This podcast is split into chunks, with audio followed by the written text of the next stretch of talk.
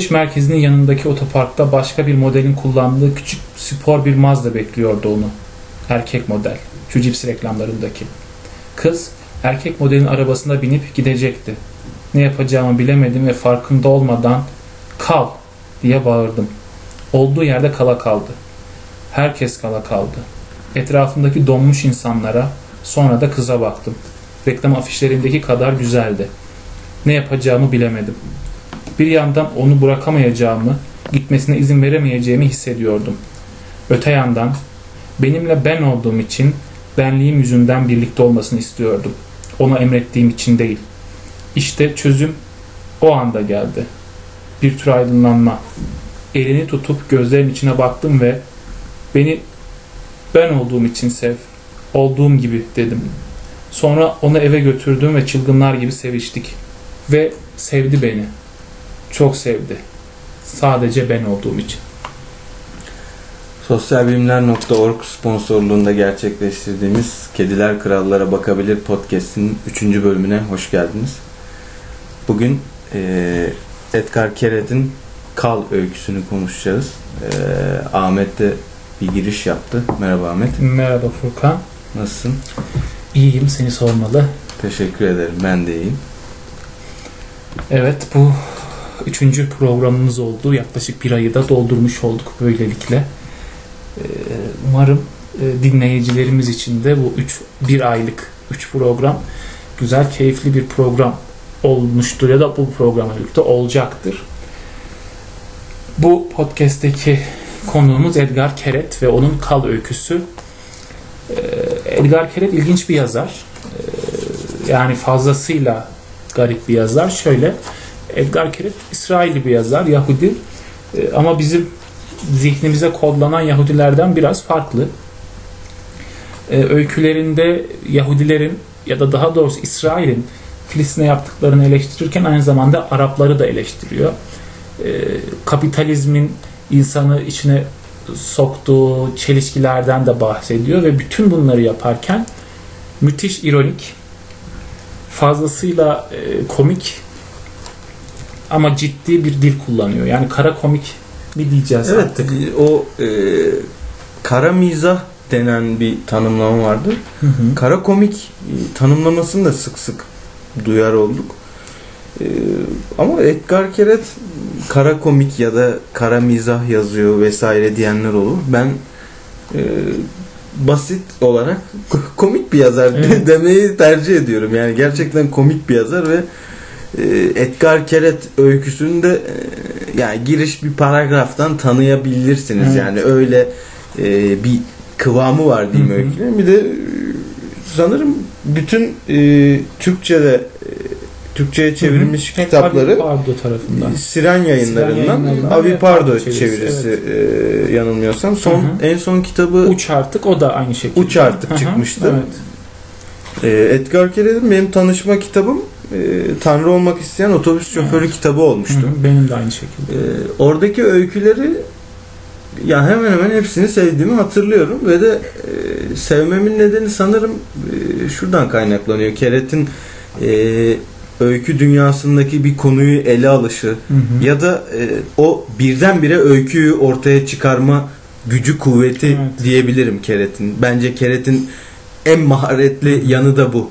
Yani e, şey sözü vardır işte e, yanılmıyorsam Mehmet Fuat e, İlhan Berk için diyordu. Hı hı. Neye dokunsa işte onu Evet. şiire çevirebiliyor diye Evet.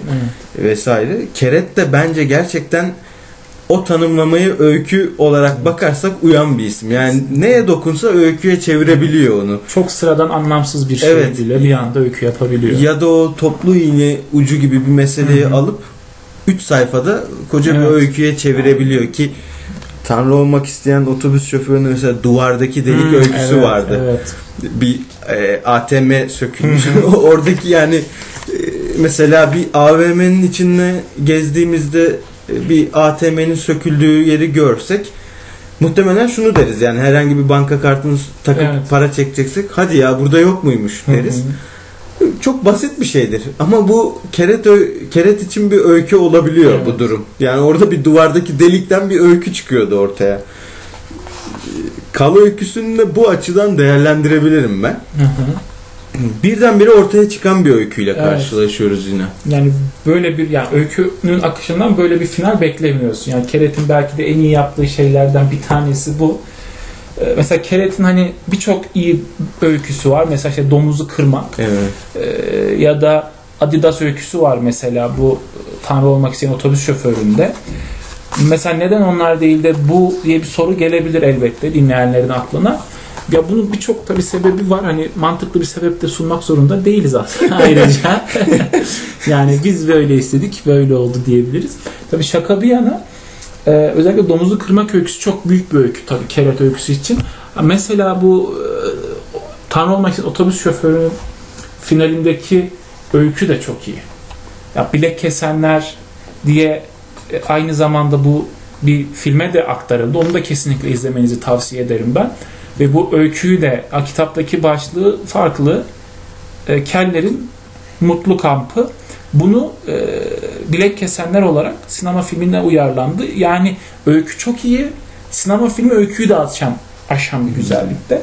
Yani şuraya geleceğim. Keret'in bu öykülerinde özellikle bu Adidas öyküsünde yani dedesi e, Nazilerin toplama kampında zorluklar yaşamış bir torunun e, Adidas ayakkabılarına büyük bir gururla bakması, büyük bir mutlulukla bakması. O kadar aslında ironik ki yani dedesini öldüren ya da dedesini arkadaşlarını öldüren bir ülkenin bir markası e, işte o küreselleşme dediğimiz şey sizin en çok ulaşmak istediğiniz, arzuladığınız bir imge haline gelebiliyor. Bu bakımdan keret öyküleri hep böyle ironik bir şekilde yüzünüze çarpıyor sizin ve sizin e, gündelik hayatta pek fazla farkına varamadığınız ya da varmak istemediğiniz bir takım şeyleri ayakkabılar öyküsü başlığı yüzünüze e, vuruyor. Bu bakımdan keret öyküsünü ben çok değerli buluyorum ve çok sevdiğim yazarlar içerisinde de kereti her zaman anmaya çalışıyorum. Sanırım e, son öykü kitabı yayınlandıktan sonra e, bir röportajı yayınlanmıştı. Hı hı. Keret'le yapılan. E, bir trafik kazası geçirmiş sanırım yakın bir zamanda öyle bahsediyor. Geçmiş olsun dileklerimizi iletelim. Evet. Biraz geç oldu ama olsun. Anca imkan bulabildik öyle diyelim. Ö- öyküye geçelim Ha, evet, istersen. öyküye yavaş yavaş geçelim. Şimdi Kal öyküsü de çok ironik bir öykü. Sıradan bir adamın hikayesi aslında. Bu sıradan adam e, bir gün bir özel yeteneğini keşfediyor. Bu özel yetenek kal dediği zaman insanların kalı vermesi. Ve en çok arzuladığı ulaşmak istediği şey kadınlar. Ve e, Edgar Keret'in bu karakteri kadınlar tarafından sürekli reddedilen bir tip. Ama bu özelliğini, yeteneğini keşfettikten sonra kadınlara kal diyor ve onlarla birlikte olabiliyor. Bu arzusuna ulaşıyor. Bir gün annesi onu diyor ki bu yaptığın yani hiç etik değil. O da diyor ki ne yapıyorum yani kadınlara tecavüz mü ediyorum? Hayır mesele o değil diyor. Yani bunda ruh yok, duygu yok sen. Hani bunlar yine seni sevmiyor falan. Bu söz e, karakterin zihninde ciddi bir kurt gibi dolaşmaya başlıyor. Kurt olarak dolaşıyor vesaire. Artık bu yaptığından zevk almamaya başlıyor ve bir gün diyor ki beni ben olduğum için sevecek birisine ihtiyacım var ve girişte okuduğum o final bölümü e, aslında okuduğum yer öykünün final bölümü ve öyle bir e, durum ortaya çıkıyor ama tabii burada e, ilk okuduğumuzda şu aklımıza gelebilir. Evet onu gerçekten o olduğu için sevdiği birini buldu. Ama karakter ilginç bir şekilde yine gücü üzerinden bir tahakküm kuruyor ve o gücüyle onu elde ediyor. Aslında yine onu gerçekten sevmeyen birisiyle karşı karşıya. Ya da burada e, şeyden de bahsedebiliriz. Hani meşhur bir tablo var Narsisüs. Hı hı. O ona e, o tabloya benzeyen bir öykü biraz Evet. daha. E, öykü karakterinin bir çabası var. E, Hı hı. Karşındaki kadınları kal demesiyle dondurup onları evine götürüyor Hı hı. vesaire. Fakat onlara onların bir tepki vermesini e, o duruma bağlı olarak bir tepki vermesini beklerken yine onlara bir komutta bulunuyor. Onun dediğini tekrarlıyor yine karakterler. Bir n- narsistlik, narsistlik bir durum Hı var burada da. Yine karakter aslında e, çok argo bir tabir olabilir ama bir noktada kendi kendisiyle ilişkiye giriyor. Evet, evet. Bu duruma kadar evrilen Tabii bir şey. Çünkü öyküde de diyor ya zaten Evet. hani kadınlar benim dilimden konuşuyorlardı. Benim cümlelerimi söylüyorlardı diyor ya. Bu biraz da kendine yönelme Evet. oluyor. Kesinlikle. E, Zaten hani öykünün bu finalindeki o kırılma yani e, karakterin beni ben olduğum için sev demesine rağmen aslında onu derken bile aslında onu o olduğu için sevmeyecek. Evet. Yani çünkü orada bir güç var. Onu o olarak sevme, sevse zaten bu öykünün bir üst bölümünde ona çiçekler alması, o kadına işte kurlar yapmasına bir karşılık verirdi. Oysa kadınlar bu karakteri tamamen görmezden geliyorlar. Yani burada öyküyü biraz böyle aşırı yoruma tabi tutarsak Eko'nun deyimiyle aslında bu birçoğumuzun yaptığı bir şey. Yani birileri bizi sevsin istiyoruz ya da bir şeyler olsun istiyoruz. Onu yapması için kendi özel yeteneklerimizi işte iyi yazı yazmak, iyi konuşmak, bu iyi yakış yani yakışıklı olmak, kaslı olmak, zengin olmak bunu artırabiliriz. Bunları kullanıyoruz aslında biz. Yani gündelik hayatta bu karakterden çok da farklı bir şey değiliz.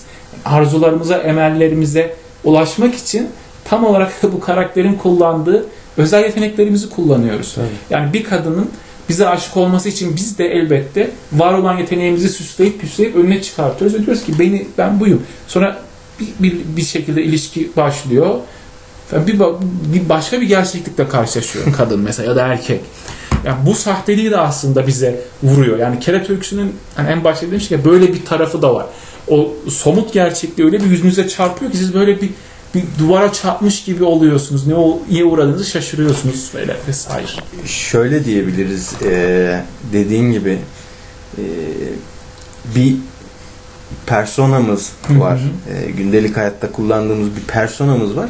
Keret öyküsü bu personayı biraz daha çıkaran demeyeyim. Biz gündelik hayatta elbette okulda çalıştığımız yerde olabilir. Hatta günümüzde en büyük kanıtı sosyal medya. Evet. Sosyal medya olmak istediğimiz kişiler kişiliği sarf ettiğimiz, çabaya döktüğümüz Evet. bir mecra diyebiliriz belki.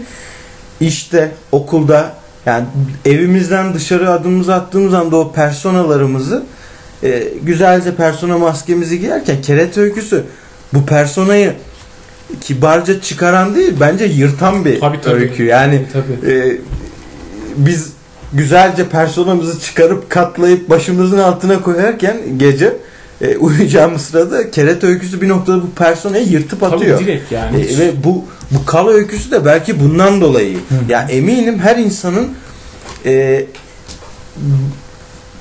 kendi kendimizle konuşuruz. Hı. Şöyle söyleyeyim yani e, herkes kendi kendisiyle konuşur. Böyle ütopik şeyler de düşünebilir. Evet. E, çok marazi şeyler de düşünebilir. Mesela e, en basitten bir kaldırımda yürürken kaldırım taşlarının içine ayağımızı basma, basar basarak Hı yürümeye çalışırız. Evet. Ya da sayarız falan. Böyle garip gündelik takıntılar olur. İşte herkes mesela benim de aklımdan buna benzer bir şey geçmişti yani. Herkesin geçmiştir. Şöyle ya şöyle bir bir anda durdurabilir miyim acaba dünyadaki akışı? Hani Hı hı. çocukluğumuzdaki o sihirli Evet, Annem dizisi evet, evet. vardı ya yani Aynen. şöyle parmaklarını getiriyordu durduruyor Derya'yı. Bu bu personamızda düşündüğümüz bir şey ama hiçbir zaman dışarıya söyleyemediğimiz bir şey. Yani Keret bu personayı yırtıyor bak bunu düşündük Evet. hepimiz buna getiriyor. Bu yüzden önemli bir öykü. Tabii çok da işte Keret ya bütün öykülerinde yaptığı şeyi burada da müthiş yapıyor ve hani eee, ne denir? Keret'in kurduğu bu dil ilginçtir. Yani mesela sen ben bunu sevdik ama mesela Keret okurunun bir ortası yok. Evet. Yani Keret okuyan ya Keret'i çok basit ve saçma buluyor ya da işte bizim gibi çok sevip böyle bir takım çıkarısamalar yapmaya çalışıyor. Bir şöyle diyelim yani eee, bir Çehov öyküsü okuyup da Hı hı. en az mesela bir 10 tane Çehov öyküsü okursanız Keret'e gelirseniz biraz afallarsınız. Evet, yani her kesinlikle. yazarın kendi kendine ait bir öykü dünyası var. Yani Çehov'da bir Çehov size karakterleri bütünüyle önünüze serebilir ve bunu 20-30 sayfada Evet, yapar. Keret 3 sayfalık Ama- öyküler yazıyor. Evet, Keret'in öyküleri genelde 2-3 sayfalı ve Keret o karakteri sadece bir cümlede yapabiliyor. Evet, yani evet. bu bunu ortaya koyabiliyor. Bu iyi bir maharet yani. Kesinlikle bir de mesela Keret bence tam olarak eğer varsa öyle bir şey hani zamanın dili dediğimiz şeyi Evet. çok iyi yakalıyor. Yani e, bunu biz çok görüyoruz günümüz Türk öyküsünde de çeviri öykülerde de çok fazla ironiye yaslanma ve espri yapma Evet. anlayışı var. Yani ironi bu çağın yani bu çağda yapabileceğimiz en mantıklı şey. Yani eğer ironiye al ironik ironik bir dille yaklaşmazsanız ya da meseleleri ironiye almazsanız zaten büyük oranda kafayı yeme ihtimalimizin olduğu bir zamanda. Ama o sınır da işte klişe. Ha, işte onu diyeceğim. Yani Keret bunu yaparken kaba bir ironiden yapmıyor. Yani kaba net işte sana ironiyi getirdim pat diye koymuyor önüne. Öyle bir koyuyor ki hiç beklemediğin bir anda bir ironi geliyor. Mesela bu Tanrı olmak isteyen otobüs şoföründe de eee, şişko çocuk bir şişko bir çocuktan bahsediyor. Hani kızla buluşmak Evet. isteyen vesaire. Mesela o öykü yani hayatın saf o softa gerçekliğinin üzerine bir, bir böyle bir e, bıçak darbesiyle şey adeta ekmek, çikolata, bal sürer gibi bir ironi sürüyor ve öykü bambaşka bir yere evriliyor. Mesela Yalan Ülkesi diye bir öyküsü vardı. Hani delikten yine bir bakıp yani elini sokup şeker alırken bir yalan ülkesine gidiyordu ve söylediği yalanların her birinin başka bir evrende, paralelde gerçeğe dönüşmesi meselesi vardı. Yani işte e, birisi demiş ki e, amcam öldü ya da dayım öldü. İşte dayım kalp krizi geçirdi falan. Her biri gerçek ve yarattığınız o yalan üzer, yalan karakter üzerinden söylediğiniz her yalan o karakterin hayatına etki ediyor mesela. Yani birinde kolunu kaybediyor, bacağını kaybediyor, kör bir köpekten bahsediyorsanız o evrende kör bir köpek oluyor falan. Yani böyle ilginç bir anlatım dili var. Peki e, Kal öyküsüne tekrar dönersek orada bence kilit noktalardan biri işte annesinin duygu yok Evet. demesi ve ondan sonra hareket etmesi. Hı hı. Peki bu duygu yok e, cümlesinden duygu yok e, bağlamından yola çıkarak bu e, senin de çokça üstünde durduğun yapay zeka üzerinden Hı. nasıl bakabiliriz bu duruma? Evet. Duygu yok. Mesela burada ben bu öyküyü okurken duygu yok vesaire böyle yapay zeka konusu falan aklıma gelince benim aklıma şey örneği geldi. Yani eminim birçok kişi hatırlıyordur. Kanal 7'deydi bir dizi var. Hı hı. İyi Aile Evet, Robotu evet, Babür evet. vardı. Babür vardı. Evet. Yani ba- Babür e, nedense benim aklıma Babür geldi bu öyküyü okurken. Babür de mesela Japonya'dan işte e, dizideki karakter, baba karakter bir halıcıydı yanlış Evet, hatırlamıyorsam. halıcıydı. Japon müşterileri ona Babür'ü hediye ediyorlardı ve Babür bir noktadan sonra işte Karadeniz şivesiyle konuşuyordu. Bir sürü özelliği vardı. Domates soyuyordu. işte Hı hı. ev yemekleri evi süpürüp siliyordu vesaire. Babür'e de bakarsak bir robot duygu yok. Evet. Yani Keret de burada insanları aslında robotlaştırıyormuş gibi gösteriyor öyküde. Evet ya şöyle belki orada şöyle diyebiliriz. Yani artık ne kadar hazcı bir evreye yani ben istediğim için benim istediğimi yapmalısın. Babür'de de o vardı. Evet yani hani bu komutlar ben seni istiyorum, arzuluyorum bunun için benim olmalısın. Yani çok hedonistçe böyle çok Evet. aslında gaddarca bir davranış. Ama yani baktığımız zaman biz hepimiz böyleyiz. Yani ben şurada olmak istiyorum. Neden? Çünkü ben orada hak et, orada olmayı hak ediyorum. Neden? Çünkü benim kal deyip herkesi durdurma yeteneğim var. Evet. Kal çünkü ben seni arzuladım ve onu alabiliyorsun en mahremine kadar falan. Hani burada böyle bir durum var. Aslında belki de Keret e, yine bir aşırı yorumla. Hani burada bizim gündelik insan, günümüz insanının ne kadar arzuladığı şeylere mekanik bir şekilde yaklaştığını. Çünkü anne bu arada yani annenin bunu demesi de çok ilginç. Yani bunu diyen bir başkası değil ya da kendisi farkına varmıyor. Yine aslında bir merhamet timsali yani bütün duyguların içinde barındıran, bütün içgüdüleri içinde, içinde barındıran bir varlık bunu söylüyor. Ve ondan sonra farkına varıp kendisini sorguluyor. Ama geldiği noktada yine gücü üzerinden birini elde ediyor. Yani böyle bir durum var. Ee, hani burada işte şey yapay zeka vesaire tartışmaları da var ya işte yapay zekalar aşık olabilir mi vesaire. İşte geçen Özgür Taburoğlu hocanın çok güzeldi bence. Hani vicdan yani işte yapay zekalar vicdan geliştirebilir mi gibi bir soru olmuştu ve orada hani demişti ya çok net. Yani görünen var, görünmeyen var, olan var bir de. Bunu bunun içine yerleştirmeye çalışmanın bir anlamı yok. Böyle bir şey hani mümkün de değildir tarzı bir yaklaşım vardı. Belki de öyle. İnsanı genel anlamda bütün çelişkileriyle e, ya da anlamsızlığıyla değerli kılan belki de tam olarak öykünün finalidir. E, ama yine e, farkına varan okur oluyor. Yani dışarıdan bir göz oluyor. İnsan yine kendi kendinin farkına varamıyor. Ve orada bu sefer ona anne değil de ya sen bak yanlış yapıyorsun diyen okur devreye giriyor burada. Evet yani e, Özgür Hoca'dan bahsetti onun vicdan meselesinden. Orada e, mesela bizim yapay zeka işte çok sorulan soru var işte robotlar dünyayı ele Hı geçirecek mi vesaire. Bizim bunları düşünmemizin en temeldeki nedeni kendimizden yola çıkıp Evet. düşünmemiz. Yani çünkü insan bunu arzulayan bir varlık. Evet. Yani e, benim çok sevdiğim bir yazar var. Hep dile getiririm Hı hı. Thomas Bernhard. Evet. Mesela Thomas Bernhard'ın öfke dolu dilinde hep şey vardır. Bernhard hep aslında şey der yani biz birbirimizi mahvetmek için yaşıyoruz'a getirir cümlelerini. Her gün kalkarız birbirimizi mahvetmek için Evet. çabalarız. Birbirimizin yerini elde etmek için, birbirimizin üstüne çıkmak için çabalarız gibi cümleler sarf ediyordu Bernhard. Ben bunu bir noktada doğru buluyorum. Yani insani yaklaşım olarak. Bizde şimdi böyle bir güdüyle yaşayınca otomatikman robot bizim tanımadığımız bir e, varlık olunca Evet. acaba bunlar da bizi mi üzerimize tahakküm kuracak? Bunu düşündüğümüz için bence temel mesele buradan yola çıkıyor. Kal öyküsündeki karakter de birden eline güç geçtiği anda Evet. her şeye hükmetme arzusu. Evet, Belki işte insanın o e, ya gücüyle imtihanı diyeyim buna. Yani evet. kendiyle en büyük imtihanı bu sanırım. Yani birazcık elimde fırsat oldu mu bunu neye çevirebileceğim? Ne Evet. için çabalayacağım? Temel mesele bence bu. Kesinlikle. Kesinlikle ve dilediği kadar da işte insani olmaya da çalışsa Evet. güç yani güç insanı zehirler diye bir şey var yani edindiği Güç insanı zehirler, mutlak güç mutlaka. evet zehirler. mutlaka zehirler. Burada da her ne kadar artık zehirlenen bir karakter iyi olanı yapmaya çalışsa da ona kal demek zorunda. Evet. Yani yine o çünkü onu hak edecek hiçbir şeye sahip değil. Yani onun dünyasına girebilecek ya da diğer şeyleri. Bu işte bu kal meselesiyle birlikte bu günümüz insan ya da bizlerin de her gün şahit olduğumuz durumla karşı karşıyayız. Ee, Keret'i umarım e, okullara bizi dinleyenlere biraz açabilmişizdir ve yani umarım bir Keret okumasına başlayabilirler. Bu kal öyküsü buzdolabının üstündeki kız kitabında var var olan bir öykü. Ee, ama naçizane e, benim kerete eğer başlayacaksa bir okur Tanrı olmak için otobüs şoföründen Evet. bence başlamalı. Ee, sonra Kapı Birden Vuruldu var. Çok güzel. Mesela Keret'in en zayıf kitabı bence Nimrod Çıldırışlarıdır. Hmm.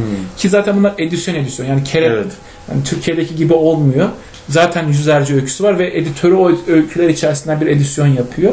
Türkiye'de de Nimrod Çıldırışları olarak çevrilen e, öykü kitabını çok tavsiye etmiyorum ama Keret umarım bizi dinleyenlerin e, dünyasına girmiştir. Benim söyleyeceklerim bu kadar. Eğer senin varsa alalım yoksa yavaştan üçüncü yayınımızı sonlandıralım. E, Keret'i okuyalım diye bitireyim ben de. Son olarak sıkça tekrar ettiğimiz ve tekrar etmeye devam edeceğimiz gibi kediler krallara bakabilir. Siz de bakmaya devam edin. Evet, sosyalbilimler.org'a da ayrıca bu podcast'i size ulaştırmada sunduğu katkılardan dolayı teşekkür ediyoruz. Krallara bakmaya hatta krallara sırıtarak bakmaya devam etmek dileğiyle. Şimdilik 3. programla bizden bu kadar. Yeni programlarda, yeni öyküler ve yazarlarda buluşmak dileğiyle. Hoşçakalın.